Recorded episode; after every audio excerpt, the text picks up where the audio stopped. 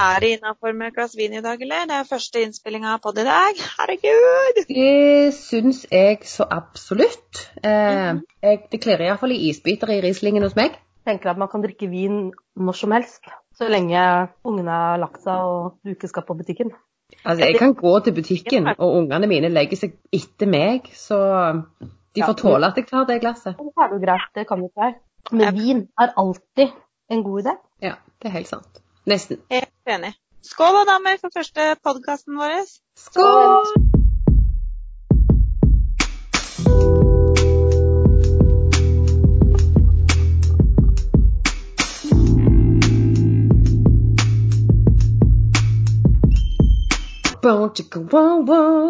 OK, alle sammen. Velkommen til Kjerringrådet. Herregud, nå har vi mekka og styra og ordna. Og jeg syns det er dritspennende å få lov til å ønske dere velkommen til rett og slett å høre på fire sinnssvakt bra damer prate om hva vi mener er bra og ikke i alle temaer som fins. Jeg heter Linn Helen. Jeg er 28 år. Jeg er separert eh, etter eh, syv år med samme kar. Jeg har to gutter med hver sin pappa. Og nylig så har jeg falt for en ny mann som har ei datter, så nå har jeg fått ei bonusfrøken. Det er kjempefint. Dritskummelt. Men uten tvil absolutt mest kjempefint. For tida så driver jeg og jobber med å få hverdagen til å gå opp.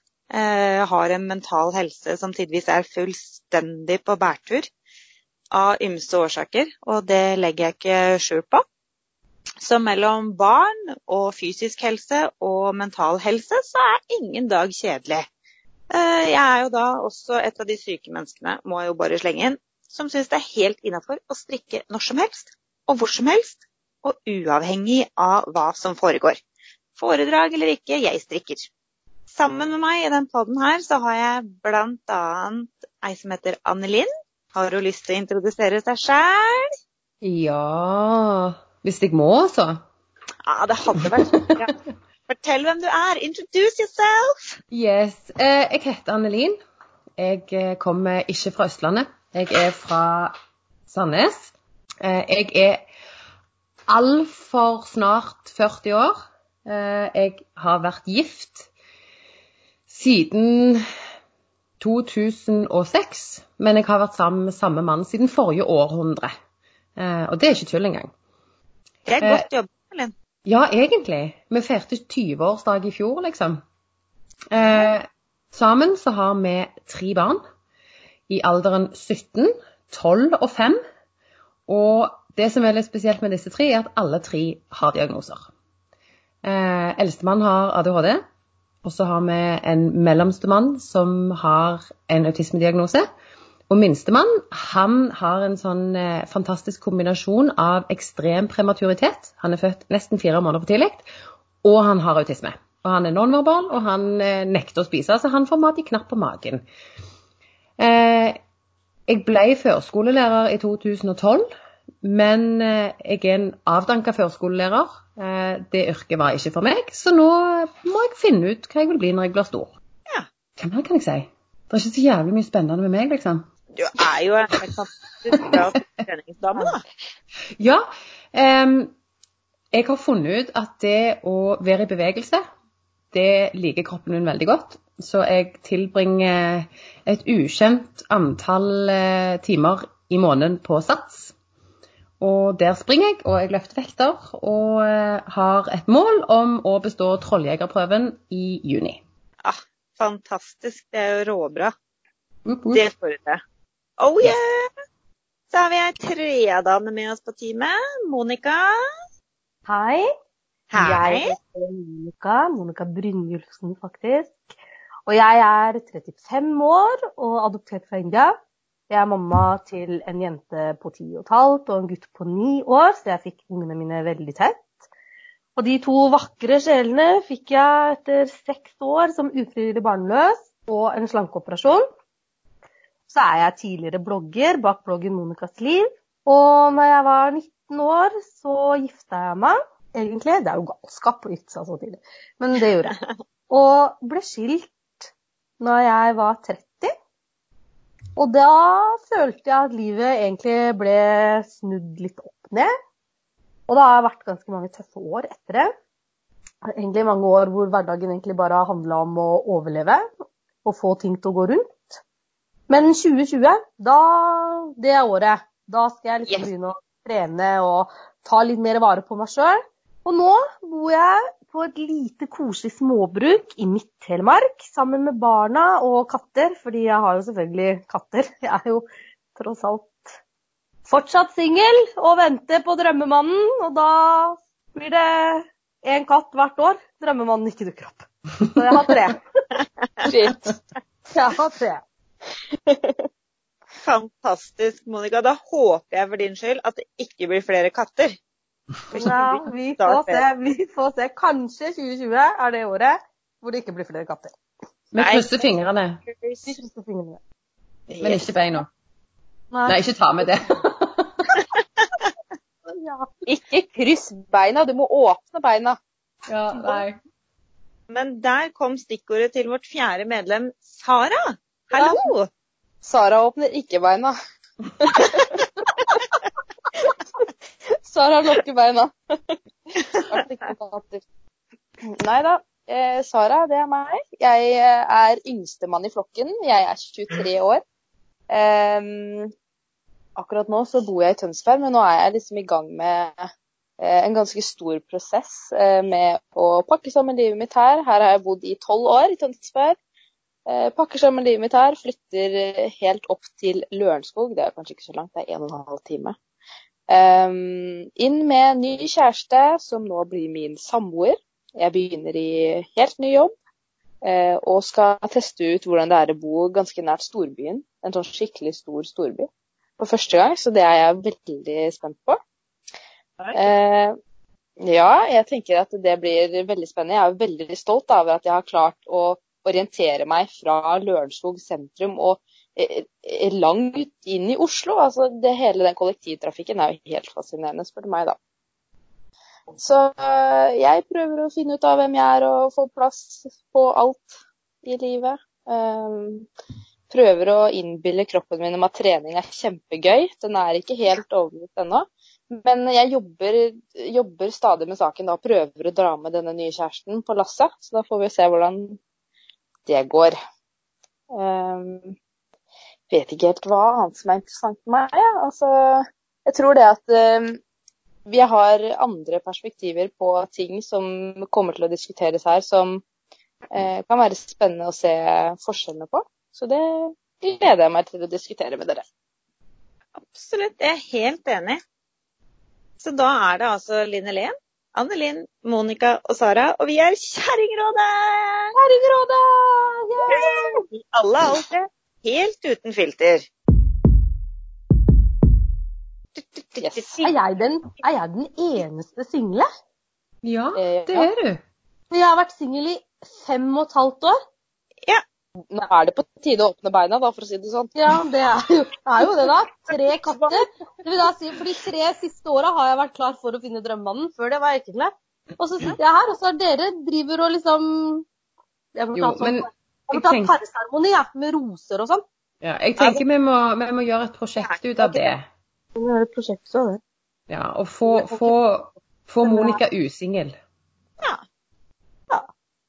Rett og slett. Jeg, hvis ikke så blir jeg jo hun med alle kattene. Ja. Det, det kan du ikke ha noe av. Alle kattene og drømmemannen. Ja, det kan Ja, du. ja, ja, det kan jeg bli. Men jeg kan ikke ha flere katter. Nei, ja, men det er fordi jeg er jo fosterhjem for redd dyra. Dere skjønner jo hvor ille dette her kan gå. Det vil si du skal egentlig være fosterhjem, og så bare adopterer du dem? Ja. De Ja. blir De kommer ikke Alle- unna igjen når de først kommer inn i halvkatter. Hus. Ja, de svære hannkattene som ingen andre vil ha, som er litt sånn trøblete, de ender opp hos meg. Ja, OK. Nå sitter jeg her da med tre hannkatter mellom 8 og 10 kilo. Jeg tenkte, Før vi går inn på dagens tema, så er det jo bare rett og ryddig at de fantastiske lytterne våre som nå har rota seg inn på den podkasten her og lurer på hva i alle dager er jeg hører på, Stakkar folk. Stakkars folk, ja. Så da må vi i hvert fall rette opp det med å fortelle hvordan vi endte opp med å bli Kjerringrådet. Mm. For vi sitter jo her, da. Vi er fire stykker på hver vår kant av i hvert fall Øst-Vestlandet. Og vi har jo egentlig ikke noe annet kjennskap til hverandre enn over sosiale medier. For det er et par år siden vi blei kjent gjennom sosiale medier, og vi dreiv da en Snap-kanal sammen og hadde det veldig moro. Det blei mye sære samtaler på bakrommet, også kalt i Messenger. Men så fant vi jo ut da, at her var det jo faktisk veldig bra damer. Så enden på visa er at vi har adoptert hverandre. Da er det ingen av oss som blir kvitt den andre. Det er jo litt sånn alt ettersom positivt eller negativt, det. Men sånn blei altså Kjerringrådet til. Fire klin gærne damer med litt forskjellige meninger som fant ut at vi liker å prate med andre. Og vi fant ut at vi er så morsomme og så underholdende at vi vil dele det med verden. Ja, for jeg tenker, vi er jo en gave til folket. Ja, Ja. Det er det vi er. aldeles. Tenk, tenk å sette Tenk å stå opp på mandag. Mandag er den verste dagen. Stå opp på mandag, setter du deg i bilen og kjører til jobb, og så kan du høre på oss. Mm. Jeg vet, det blir den beste starten i uka ever! Det blir jo det. Vi kommer til å publisere episoder natt til mandag, eventuelt mandag morgen. Så da er vi klar til å være i din høyttaler i bilen eller i headsetet ditt på bussen, sånn at du kan nyte turen til skole eller jobb eller universitet eller barnehage eller hva det måtte være, med oss i øra, og, og få deg forhåpentligvis en latter, kanskje lære litt, kanskje bli litt rørt. Who knows? Så med den introen av oss sjøl, så gjenstår det bare igjen å ønske hjertelig, hjertelig, hjertelig velkommen til Kjerringrådet. Jeg gleder meg helt sinnssvakt. Og da er det altså på tide å kjøre i gang vårt aller, aller første tema, og det er redd for mamma. For jeg lurer på, er vi redd for mamma sånn virkelig frykt? Eller er vi redd for å skuffe mamma og ikke møte hennes forventninger til oss? Jeg, jeg er livredd for mamma. Er du det? Jeg er det. Det er frykt. Det er rein frykt. Sitter det langt inn i ryggmargen? Ja, Liksom? ja, men det gjør det, for uh, hun er jo sånn skummel. Hun kommer inn her med sånn derre haukeblikk og bare ser alle de hybelkaninene som jeg ikke har sett. Skjønner du? Altså, jeg har Mm. støvsuga, og jeg har shina, og så Men jeg er litt redd for pappa òg, egentlig. Eh, for sånn En gang så hadde jeg støvsuga hele veien her. Og det første pappa kom, gjorde når han kom inn, var å hente støvsugeren i boden og begynne å støvsuge. Oi! Ja, og da tenkte jeg. Ja, eller det, jeg følte ikke det var så ille heller. Men pappa påstod at det var smuler på gulvet under uh, brødfjæra. Ja. Det var jo ikke det. Han mente det. 15 når min pappa kom durende inn på soverommet mitt og tok militærfingrene og dro dem over eh, toppen på klesskapet. Jeg skulle da rydde og vaske rommet mitt for å få bli med på handletur. Så da ble det militærinspeksjon av soverommet. Jeg, det var ikke godkjent. De er jo gærne i huet. Ja. Det er jo det de er. faktisk. Men er ikke dere sånn dere også, med barna deres? Er dere ikke nazi? Tror dere ikke de er redd for dere? Bare når jeg får besøk av mamma. Mm. Ja, for det det jeg, ja, for jeg pleier å si sånn Vet du hva, nå må du i hvert fall gå og rydde rommet ditt. Mormor kommer. Mm. Ja. Mommo kommer på besøk, hun vil se rommet ditt. Gå og vask. Og jeg, nå, jeg kan komme inn nå så kan jeg bare si 'Mormor kommer i morgen!' Og da bare Dere er sånne hjemme alene-tilstander som bare må forte seg å pakke fordi de har forsovet seg? Mm. er, det blir sånn. Og så er det jo ikke det at jeg har det Jeg har det jo ikke rotete, egentlig. Jeg har et vanlig hjem hvor du på en måte ser at det bor folk. Eh, og det er jo ikke rotete, og det er jo ikke skittent. Men det er noe med det. Når mamma kommer inn døra, eh, så får jeg litt angst, egentlig. Mm. Jeg pleier jo da for øvrig å si at rot plager meg ikke så lenge det er regn. Altså jeg bare konkluderte med at jeg og mamma har hver vår standard på regn. Ja. Men er det, er det kanskje det som er problemet, da? At jeg, vi, jeg ønsker jo kanskje egentlig da å møte mammas standard på reint, men det var jo Men jeg tenker sånn Ja. Mamma var jo ikke noe bedre når det kom til mormor. Mamma er sånn som stryker alt dette, og noen ganger så tenker jeg sånn at hun tok fram strykebrettet og strykejernet hver gang mormor kom, bare for at mormor skulle se at hun strøk. Eh, Ikke sant? Jo, men vi gjør jo sånne ting. Ja, for, for hun hadde ikke Snap. ikke sant? Nå kan jeg ta bilde da og si 'Mamma, jeg har sortert i klesskapet'. Skjønner du? Jo, men altså, jeg er jo sånn, jeg rundvasker huset og rydder og ordner og unga i full givakt før mamma skal komme på besøk. Men støvsugeren står igjen i gangen, og sengetøyet på hennes seng er ikke lagt på, fordi da, da veit mamma at jeg er i gang. Da Mm. ser hun at jeg driver på. Mm, Og hvis jeg vil- det gjør jeg òg. Ja, Jeg, jeg setter støvsugeren fram etter jeg har støvsugd, kanskje. For da kan jeg si å, jeg skulle akkurat til å støvsuge. Ja. Det hadde ikke jeg tok. Jeg var midt i det. Nå kommer du akkurat mens jeg skulle begynne å rydde. Ja, ja, ja. Selv om jeg har, selv om jeg har rydda på forhånd.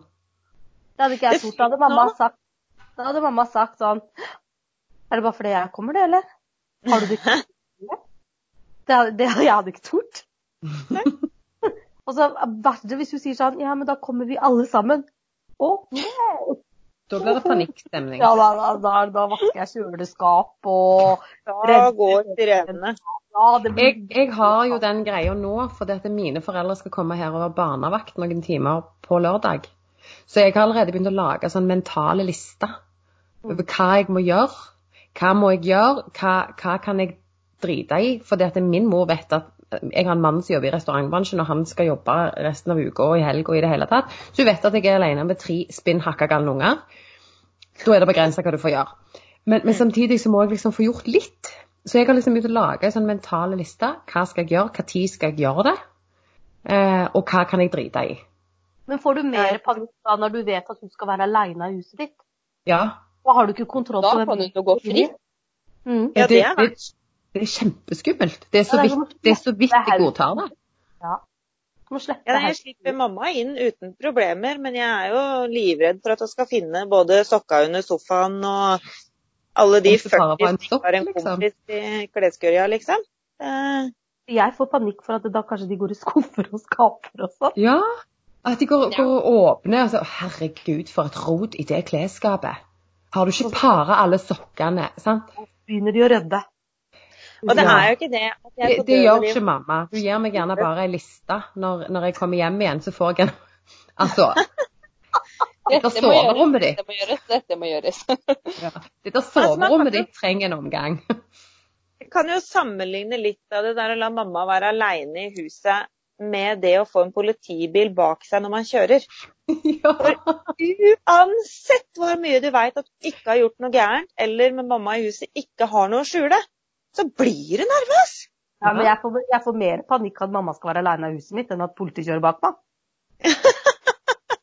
Det er ikke sant? når du er på flyplassen og du, og du begynner å lure på har jeg en kilo kokain i kofferten, eller hva? Jeg blir Ja, da. Ja, ja, men Jeg hvilken blir spørsmål litt er det nervøs mamma- for ingenting. Liksom. For Sara, det var jo Mehmet som pakka bagen. Ja, det var jo Mehmet. Det var, han, det var Mehmet som ba meg om å ta det med. Jeg skjønner ingenting. Det var Mehmet som- det Så var det her og gjør ikke en fluefortrett. Nei. Men det som er sykt, da Nå prater vi om å være redd for mamma, og jeg kjenner jo på at jeg faktisk får litt hjertebank når jeg veit at min fantastiske, supre, kjempegode mamma skal høre den episoden her når vi poster den første gangen. Hei, mamma. Hallo, mamma! Nei, men det trenger, Da må du gjøre sånn som meg. Du må ringe til mamma din, som jeg gjorde. Jeg ringte til mamma og sa Hei, mamma. Jeg beklager. Beklager på forhånd. Unnskyld. Det sterkeste hva du nå må gå gjennom av meg. Mm. Sånn er det. Jeg er litt sånn, jeg, er litt usikker jeg da på om jeg skal be om tillatelse eller tilgivelse. Det er men lettere å be om tilgivelse. Jeg har ja. trenger ikke å høre på. Har jeg sagt. Du trenger ikke å høre på. Jeg blir ikke lei meg hvis ikke du hører på, har jeg sagt. Jeg, jeg fortalte jo min mamma om, om denne podden. Eh, og hun, vi har vår første fan, tror jeg. Hun syntes dette var en briljant idé. Eh, og da nevnte jeg jo at vi, vi, vi skulle snakke litt om dette med å være redd for mamma. Og da fikk jeg jo beskjed om at det, ja, men det var akkurat likt for meg. Eh, så hun er redd sin mamma. Mm. Eh, og kjente seg veldig igjen i det. Så jeg lurer rett og slett på om det er en sånn damegreie eller mammagreie. At, at, Er det ikke litt sånn flink pike-syndrom? Jo.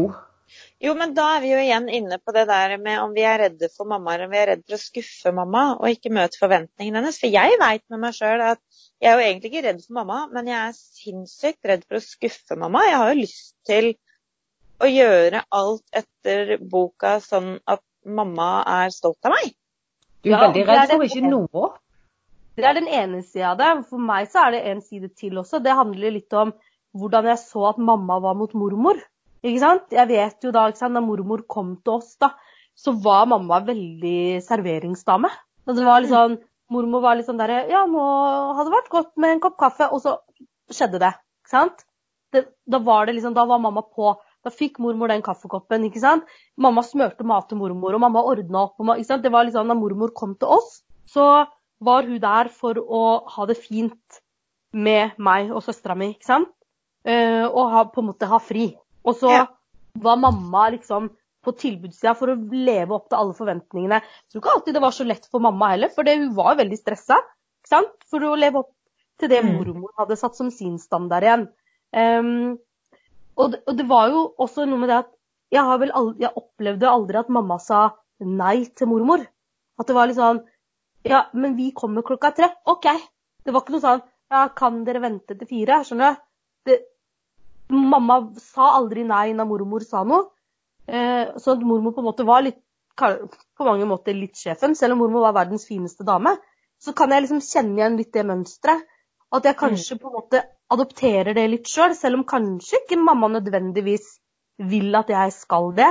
Eh, men det er det jeg har liksom sett da, når jeg er voksen. Og da føler jeg det presset for å på en måte gjøre det samme mot min mamma, da. Mm. Men jeg føler kanskje at det er litt eh, annerledes. Altså, på, på en måte så er jeg litt redd for mamma, jeg også, men jeg er mer redd for generasjonen mormor enn det jeg er for mamma. fordi at med mamma så er det Ja, sånn Ja, men det er jo fordi at din generasjon mormor er jo våre mødre. Altså, din mamma er jo nesten min generasjon, Sara. Ja, jeg tror, altså mamma Og vi, sånn vi er ganske chill. Men hun er, men hun er vel, ikke for, misforstå meg rett, altså hun er veldig streng. Hun eh, tør å si hvis det er rotete. Men mormor er liksom hakket verre. Det er mormor jeg heller stresser og løper rundt og vasker for å imponere enn mamma. For mamma har liksom skjønt at det er ikke håp. Det er fordi at min mormor hadde jo vært din oldemor. Og hun hadde vært enda verre. Det var godt Hun døde kanskje før jeg ble født, tenker jeg. Slapp å skuffe henne. Ja, ikke sant? Det er rette måten å ta det på, Sara. Jeg greit å spare henne for disse hjerteinfarktene hver gang hun kom på besøk. Det var like greit. Men, ja, men det, det er et poeng i det, da. fordi at det er klart at det, jeg, er, jeg skal jo være så ærlig å si det at når jeg ble skilt Nå kommer jeg fra sånn pinsevennfamilie, da. Eh, Men når jeg ble skilt, så var jeg jo på en måte litt glad at mormor ikke var her og fikk med seg det. Jeg hadde jo fått hjerteinfarkt, så det, det går jo på en måte på de samme tinga, da. Men mammaen din er jo hakket yngre enn mammaen min. Men jeg tror det ligger litt i det med, med at vi er litt redde for å ikke nå opp eh, Ja. til, til standarden i gåseøyne. Men så er jo spørsmålet er, er standarden så høy som vi vil ha den til, eller er det noe vi innbiller oss? Jeg tror det er litt det. kombinert, jeg, da. Mm. For jeg tror egentlig ikke at mamma bryr seg så jævlig om det er noen smuler på kjøkkengulvet. Jeg tror mamma bryr seg veldig om det er noen smuler på sitt eget kjøkkengulv. Ja, det, ja. Min mamma har hund, så han, han er støvsuger, så det er ikke noe problem. Men uh, så de Altså, får ta han med her, så kan han støvsuge hos meg. Ja, det var lurt. Mhm. Altså, jeg på en måte bare adoptert at da betyr vel det at mamma er redd for smuler på mitt gulv også. Ja, det kan vi. At vi trekker standarden, det er jo både og. mamma sin standard over på oss sjøl. Det er jo begge deler det, da. For det blir jo litt det som Annelin sa, at hvis hun ikke har ting helt på stell, da, så får hun en sånn liste, ikke sant? Så det, det er jo litt kanskje at vi lager den frykten jeg- sjøl. Jeg får Men- ikke sånn liste på ekte, men, men, eh, men jeg, jeg, jeg får den sånn mentalt overført, kanskje. Yes. For jeg, jeg leser hva hun syns, Mm. og så trenger hun gjerne ikke si det med ord.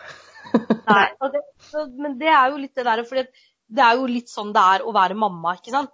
Vi, de føler jo at de kan eh, si hva de vil til oss. Vi er jo tross alt døtrene deres. Ikke sant? Ja. Så det, det er jo en romslighet der. Det, det er jo annerledes eh, med mamma. Eh, sånn fra jeg hadde svigermor, da, så var det jo annerledes å få mamma inn i huset mitt enn svigermor, selv om jeg fikk henne når jeg var 19 år, ikke sant? Fordi det er mammaen min, så det er mer greit at mamma ordner på, i skaper og på kjøkken og styrer og ordner, ikke sant? Men samtidig som det er jo det positive og det negative. Så klart at mamma sin rolle hele mitt liv har jo vært å på en måte si fra. Ikke sant? Det er jo det vi som mødre gjør. Hun har satt standarden, hun har lært meg hva som er rett og galt. ikke sant? Hun har irettesatt meg når jeg har driti meg ut. Og det er liksom derre Sånn er det. Og så tror jeg det er når man får barn, da, så, så blir de så veldig opptatt av disse her barnebarna sine. Sant? Det er det ingen tvil om. Og så føler de at vi burde for våre barn, ikke sant. Og så glemmer de kanskje sjøl at når vi var små, så var det de som var de her opptatte mødrene som ikke hadde tid, og som bare gikk og eh, vaska vinduer, ikke sant. Mens vi kanskje har valgt litt annerledes, da, fordi husmorgenerasjonen er jo ikke vi. Nei, det er vi ikke. Altså, vi er 100% eh, jobbgenerasjonen med hvor vi skal få mm. huset til å fungere. Mm. Ja. For jeg har jo jeg har jo ei jente som er ikke så veldig mange år yngre enn Sara. Eh, og jeg tar meg jo sjøl i det når jeg går inn på rommet hennes og kikker meg rundt og, og på en måte hva, hva, i alle dager er det du har gjort her? Hva, for, sant? Få båset i båset og kle nå opp av gulvet. Få. Få gang. Og bestemme litt hvordan standarden skal være på rommet hennes. Eh, og jeg ser jo ikke for meg at jeg, at jeg blir bedre når jeg flytter hjemmefra. jeg hadde en sånn aha-opplevelse på det hvor jeg sto eh, nede i gangen. Det var sko overalt. Jakker overalt. Luer, votter, ikke sant. Ungene har bare kommet inn, og så er det sånn Her har jeg kledd av meg. Mm. Og så er jeg gått. Det er sånn brannmannsopplegg. Sånn som alle unger gjør. Og så snubla jeg på en veldig, veldig dårlig dag. Eh, snubla jeg i de skoa, og det klikka for meg, liksom. Det, jeg var så sinna. Og så står jeg jeg ser det sjøl, det bildet. Jeg ser meg sjøl fra utsida. Hvor jeg står midt i gangen med hendene på hoftene og roper Nå teller jeg til tre!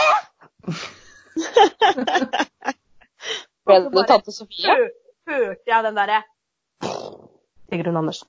Ja, ikke Nå sant. Mamma. Nå er du mamma. For det var det hun sa til oss. ikke sant? Nå teller jeg til tre hvis du ikke Ikke sant? Mm. Nå teller jeg til tre. Jeg har aldri sagt det til ungene mine noen gang. Gidder ikke å stå her og telle til tre, jeg. Men da hørte jeg mamma, liksom. Og jeg så meg sjøl. Jeg så at jeg var mamma. Og da fikk jeg litt sånn småpanikk. Og så svarer jeg bare sånn Glem det, jeg skal ikke telle til tre, det går fint! du tok det sjøl igjen, du var mammaen din? Ja, og da ikke sant, syns jeg, synes jeg synd på både ungene og på meg og alt. Jeg vet ikke hva som skjedde. Da, jeg telte ikke til tre, da, for å si det sånn. Det tror jeg er et sånn, sånn uh, avgjørende øyeblikk i en kvinnes liv. Den dagen du innser at fy fader, nå var jeg mor mi. Yes. For det tror jeg det, jeg, jeg, jeg sverger jeg ser hennes fjes i speilet av og til, altså. Ja, det gjør jeg. Der er jo jeg så sinnssykt heldig at jeg har hatt mammaen min, og så har jeg hatt stemammaen min. Og det er sånn, det veksler på, for innimellom når jeg drar av i en eller annen tirade overfor unga fordi jeg har fått nok når seks- og åtteåringen ikke vil svare engang, så ser jeg jo å fader, nei, nå var stemora mi inn og der Ja, det der er ikke meg. OK, nå må vi roe oss i land. Og så har jeg andre ganger hvor jeg driver med et eller annet og svarer ungene på en måte som bare Å, fuck, der var mamma, ja! Shit! jeg føler jeg har litt sånn splitta personlighet innimellom. Ja, det kan jeg skjønne at det er en utfordring. Ja. For da har du to stykker som du liksom skal prøve å unngå å bli. Ja. Oppi det hele så skal jeg liksom finne ut hvem er egentlig Linn Helen Haug som mamma. Men jeg tror jo at vi egentlig vet det. Fordi det er jo en grunn til at vi liksom blir litt sånn småstressa eller får litt sånn småpuls når mamma kommer på besøk. Ikke sant? Fordi at vi vi vet jo egentlig sjøl hvem vi er som mamma. Det er det samme som Nå kommer jeg fra en eh, familie hvor alle er pinsevenner. Og jeg vet jo det sjøl, at måten jeg oppdrar mine barn på, er kanskje ikke helt etter malen. Men det vet jo mine unger også. Så eksempel eh, banning og sånn, da. Så trenger jo ikke jeg å fortelle ungene mine at det her sier vi ikke når mormor er her. Her, det, du trenger ikke å ta den glosa rundt middagsbordet hos mormor. Det bare går automatisk. Ja. Altså man, man, så det, og det betyr jo at jeg er jo den mammaen jeg er. Og så veksler jeg lite grann, ikke helt, men bitte lite grann, og tilpasser meg når mormor kommer på besøk. Og så tenker jeg, er det egentlig noe galt i det? Nei. Nei, det tror jeg ikke. For det lærer jo ungene mine at det er sånn det fungerer her i verden. Du er den du er, ja. Og du Og så skal tar vi hensyn. Yes.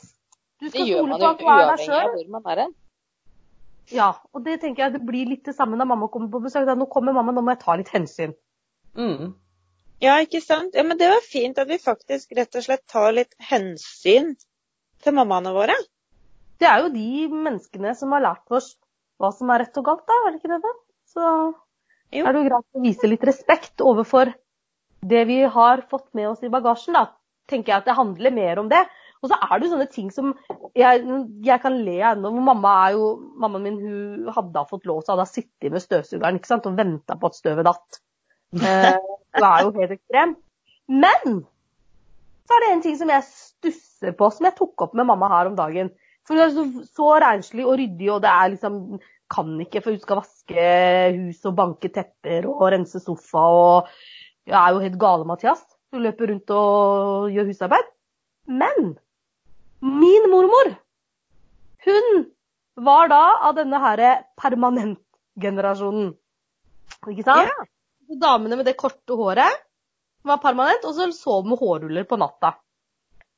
Eh, mamma, stakkars, eh, var permanentofferet som måtte ha permanent på mormor. Det var ikke noe hun ble spurt om, det var bare sånn det var.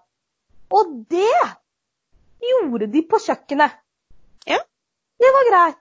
Med den forferdelige lukta og hår og permanentruller og leggevann og papir og alt mulig rart på kjøkkenet.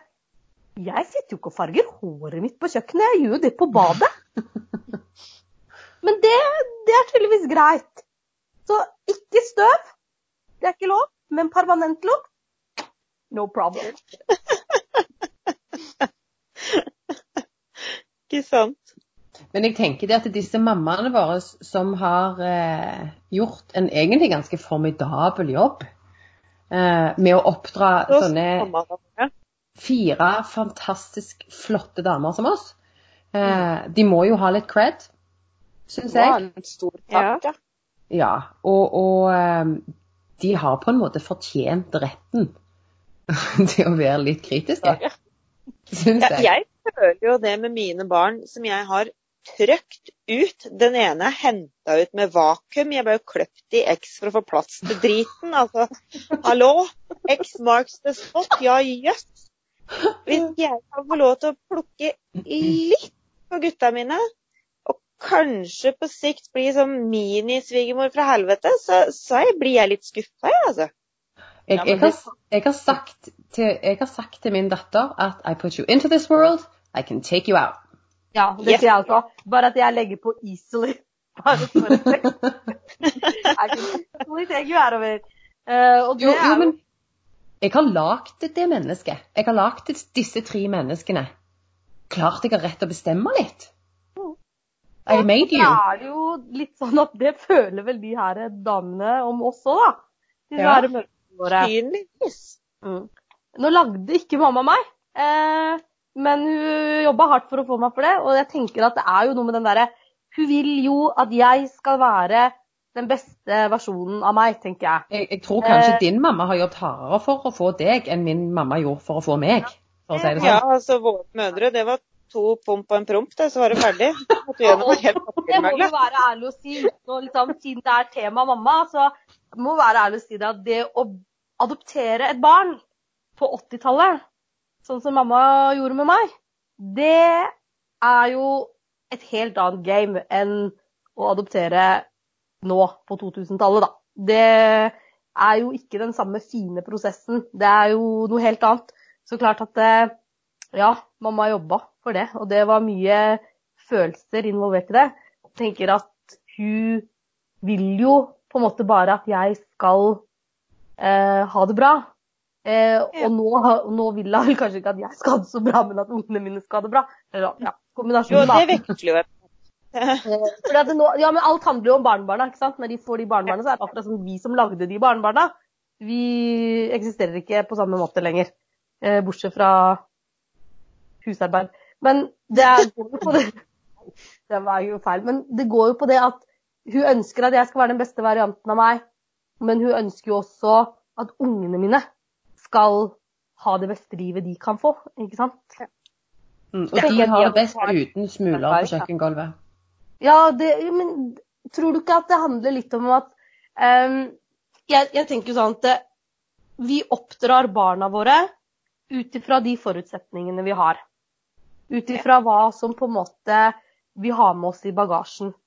Og det samme gjelder jo da mødrene våre, ikke sant? Og de vokste jo opp i en helt annen tid enn det vi gjør. Eh, og så er det ikke alltid så enkelt å huske på da, i dette her eh, støvsugehverdagen vår med unger som skal hit og dit og alt med seg, at det har faktisk endra seg. Det er faktisk annerledes for oss som mødre å oppdra barna våre i den tida som vi er i nå, med Snapchat og Instagram og TikTok og De kan jo ikke snakke sammen lenger. De Altså, de, de, de er jo på sosiale medier før de kan kommunisere Ja, de sosialt, kan nesten. ikke leke. Ja. Eh, og det er ikke så lett for mormor, kanskje, da. Eh, alltid å se de utfordringene som vi står overfor igjen. Nei. Eh, akkurat som det ikke var lett for min mormor å se de utfordringene mamma sto overfor når jeg var tenåring. Da. Så det, det blir jo litt den derre Jo, men jeg, jeg ser det jo bare med, med, med min som er 17. Eh, hvordan hun har vokst opp i, i et helt annet samfunn enn jeg har. Eh, og hvor, hvor standardene for hva som, er, hva som er greit og ikke greit. Eh, dette med sosiale medier tidlig. Eh, for meg så har jo det vært kjempefjernt å vokse opp med dette så tett innpå. Eh, så, så jeg, jeg blir nok litt sånn, sånn eh, jeg, jeg kommer nok til å treffe mor mi i døra og i speilet noen ganger, tror jeg, når, når dattera mi får barn. Fordi, nettopp fordi mamma vokste opp i en helt annen verden enn hva jeg gjorde, og dattera mi vokste opp i en annen verden enn hva jeg gjorde. Ja, og det, det tror jeg liksom er litt sånn Jeg husker vi satt hjemme, og så sier um, uh, skulle, Mamma skulle ha mailadresse for første gang. Eh, og vi skulle prate om dette her, og onkel var der, og kusina mi. Og så eh, sier jeg ja, og så må du skrive alfakrøll.no. Så skriver da mamma selvfølgelig DOTT. Ikke sant? så, og vi ler jo så vi griner, ikke sant? Tårene triller.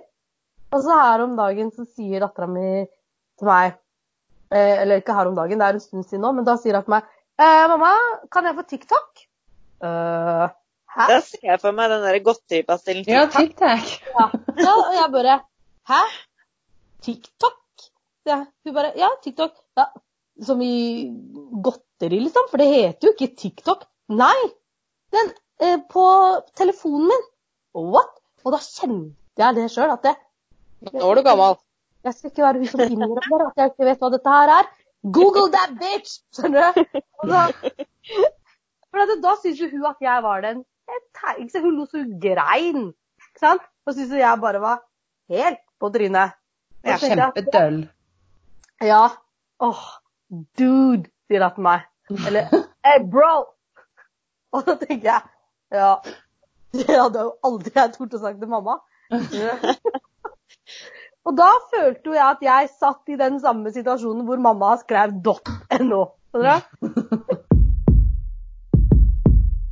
Altså, jeg skjønner jo her, damer, at vi kan snakke veldig lenge om vårt forhold til mamma, på godt og vondt, og om vi er redd for henne eller respekterer henne eller setter henne veldig høyt.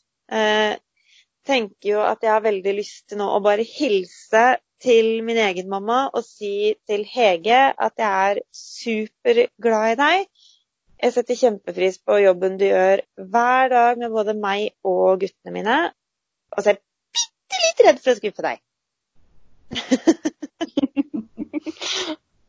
Jeg vil gjerne hilse til min mamma Marit Knutsen, eller mor Marit, som hun liker å kalle seg, og si tusen takk for alt du har vært, alt jeg har fått, og alt du er og kommer til å være de neste åra, både for meg og de tre barnebarna dine og hans svigersønnen din.